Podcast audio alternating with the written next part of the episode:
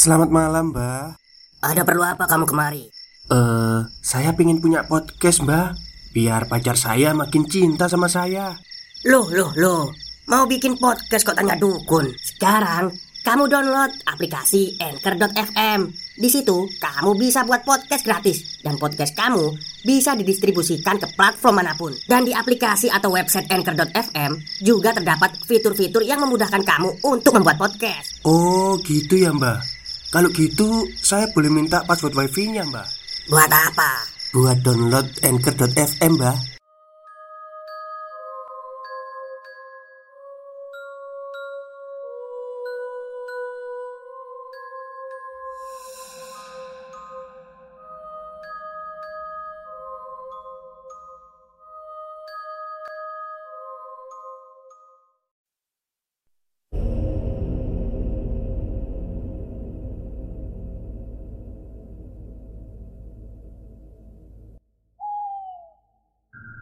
Assalamualaikum warahmatullahi wabarakatuh.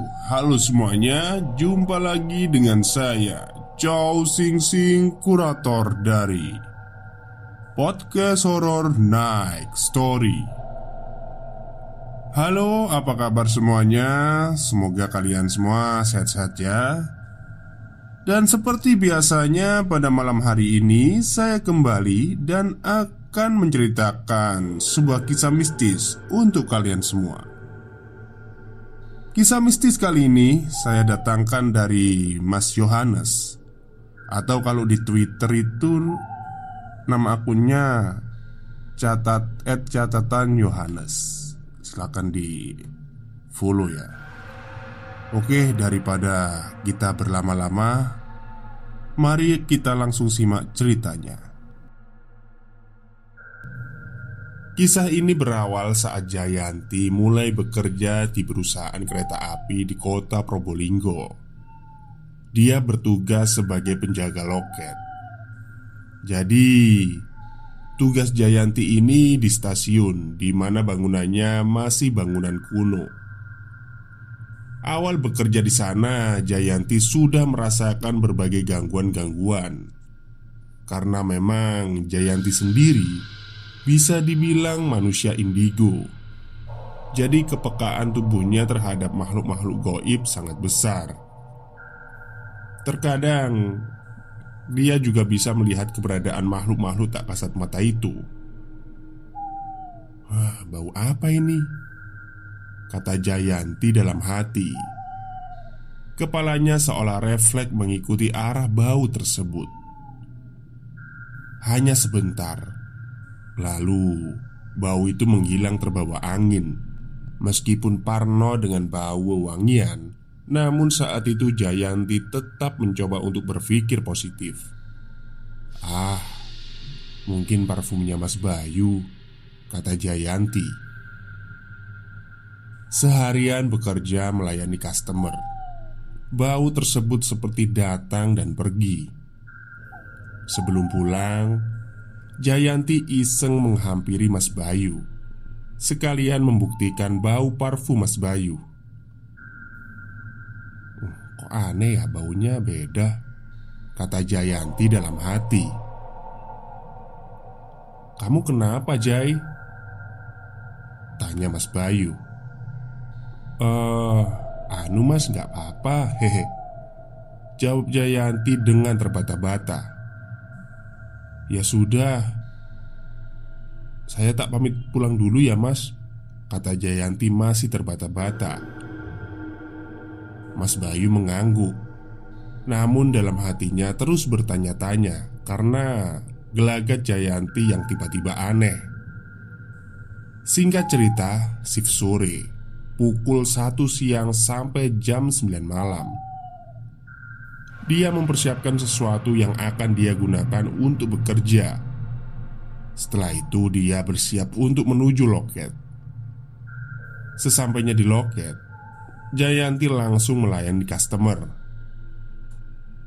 Sekitar pukul 4 sore, setelah kereta Sri Tanjung lewat, biasanya stasiun itu sudah sepi karena memang masih harus menunggu kereta lain yang datang sekitar pukul 6 malam Kebetulan waktu itu juga customer lagi sepi. Jadi, Jayanti ini iseng-iseng mengisi waktu luangnya dengan selfie-selfie di tempat kerjanya. Setelah asik selfie beberapa cekrekan, Jayanti berniat memberikan filter-filter anjing dari aplikasi Snapchat, di mana filter tersebut akan mendeteksi wajah dan memberikan tambahan hidung dan telinga anjing di wajah yang terdeteksi. Setelah aplikasi dibuka, Jayanti asik berselfie seperti kebanyakan orang, dan huh, seketika Jayanti menutup aplikasi tersebut dan menaruh handphonenya. Itu tadi siapa? Kata Jayanti. Kebetulan dia posisi lagi sendiri di loket tersebut. Beberapa menit Jayanti berpikir Akhirnya, dia mencoba membuktikan lagi dengan membuka kembali aplikasi Snapchat tersebut. Dengan gemetar, dia angkat tangannya, lalu selfie dengan filter anjing tersebut. Masih ada, kata Jayanti lirih. Refleks, kepala Jayanti menoleh ke belakangnya. Kosong katanya. Jadi, secara tiba-tiba aplikasi itu mendeteksi dua wajah di layar HP-nya. Karena masih penasaran, dia mencoba melirik ke arah handphonenya. Apakah sudah hilang atau masih ada? Dan karena saat melirik ke handphonenya masih mendeteksi dua wajah, Jayanti lagi-lagi langsung menoleh ke belakang. Kok kosong? Gak ada siapa-siapa? Katanya dalam hati. Lalu Jayanti mencoba menggeser filternya ke filter kelinci. Pikirnya filter anjingnya itu error. Namun saat mengganti ke filter tersebut menjadi kelinci Masih saja terdeteksi dua wajah Kali ini dia berdiri seolah lebih tinggi dari Jayanti karena merasa aneh, akhirnya Jayanti mengubah-ubah filter tersebut sampai di filter anjing itu lagi. Dan sosok di belakangnya masih terus ada. Karena gregetan Jayanti menzoom itu muka Lalu dia bilang Ini siapa sih? Sosok yang wajahnya terdeteksi itu pun langsung menjulurkan lidah Sontak membuat Jayanti pun cepat-cepat mematikan HP-nya dan bergegas keluar dari ruangan tersebut. Sambil sesekali dia menoleh ke belakang. Sesampainya di luar ruangan, Jayanti menenangkan dirinya. Dia duduk sendiri sambil sesekali matanya melirik ke ruangan tadi. Stop, stop, kita break sebentar.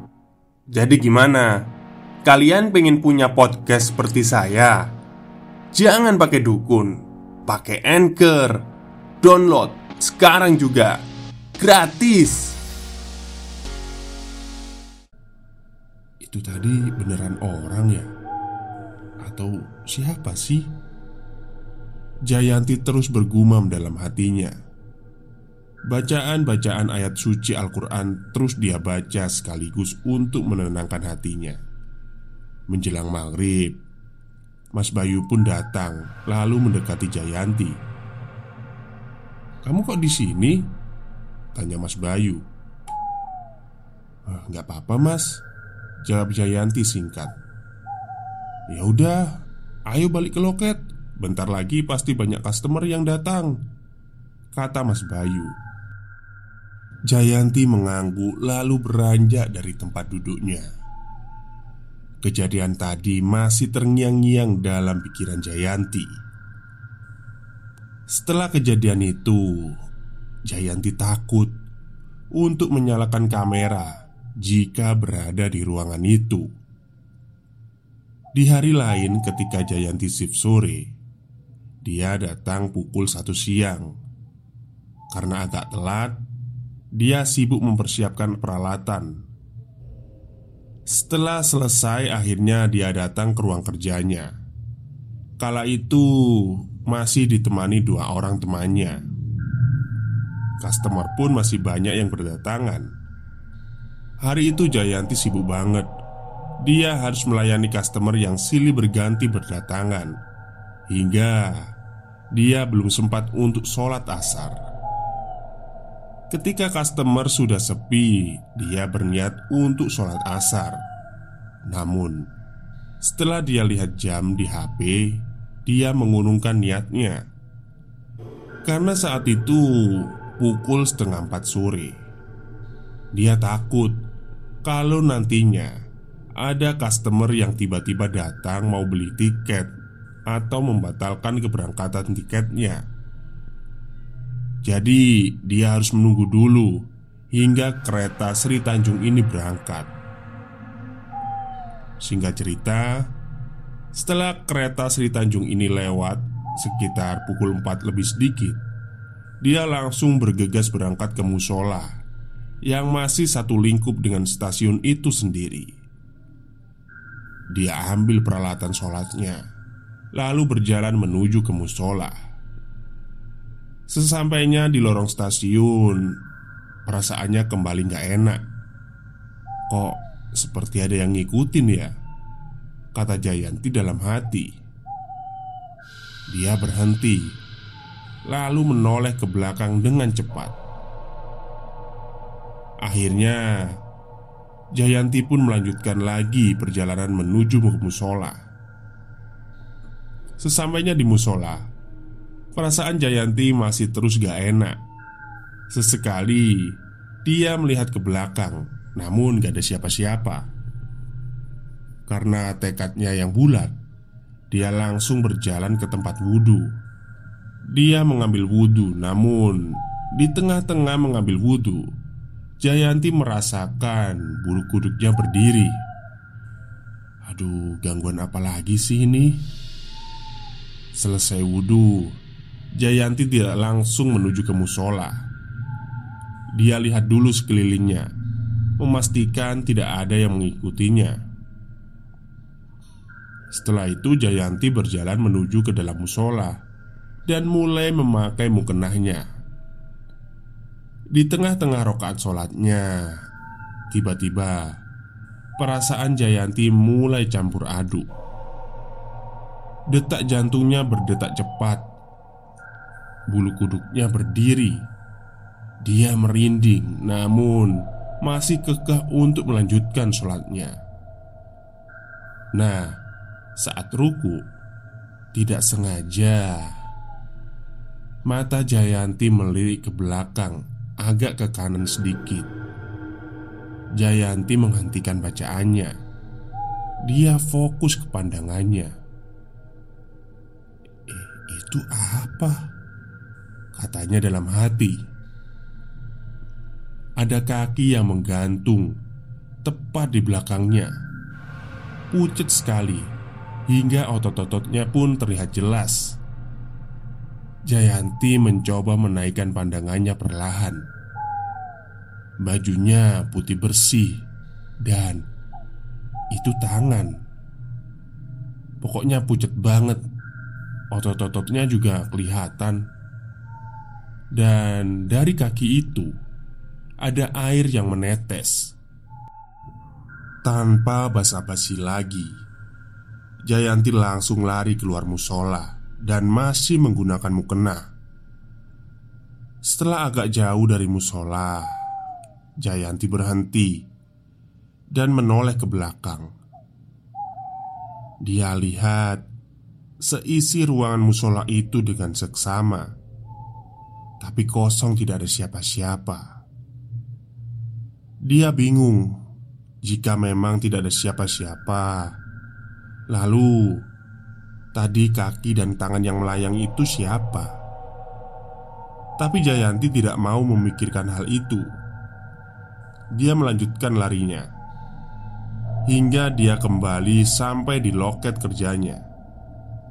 Menurut Jayanti, saat dia bilang ke Mimin, itu gini: Memang di stasiun itu vibes-nya itu terasa horornya Ketika sore dan pas surup-surup mau maghrib. Itu sangat seram lah dibandingkan pas malam hari. Tamat. Oke, terima kasih kepada Mas Yohanes yang sudah mengizinkan ceritanya untuk saya up di channel podcast Horror Next Story. Dan terima kasih juga kepada uh, narasumbernya Mas Yohanes, Mbak Jayanti, yang sudah menceritakan kepada Mas Yohanes. Memang ya, tempat kerja itu menyimpan banyak misteri ya. Apalagi kalau tempat kerja itu bekas bangunan kuno seperti Belanda atau Jepang gitu. Ya, memang mereka itu suka mendiami tempat-tempat seperti itu. Oke, mungkin itu saja cerita saya pada malam hari ini. Semoga kalian suka.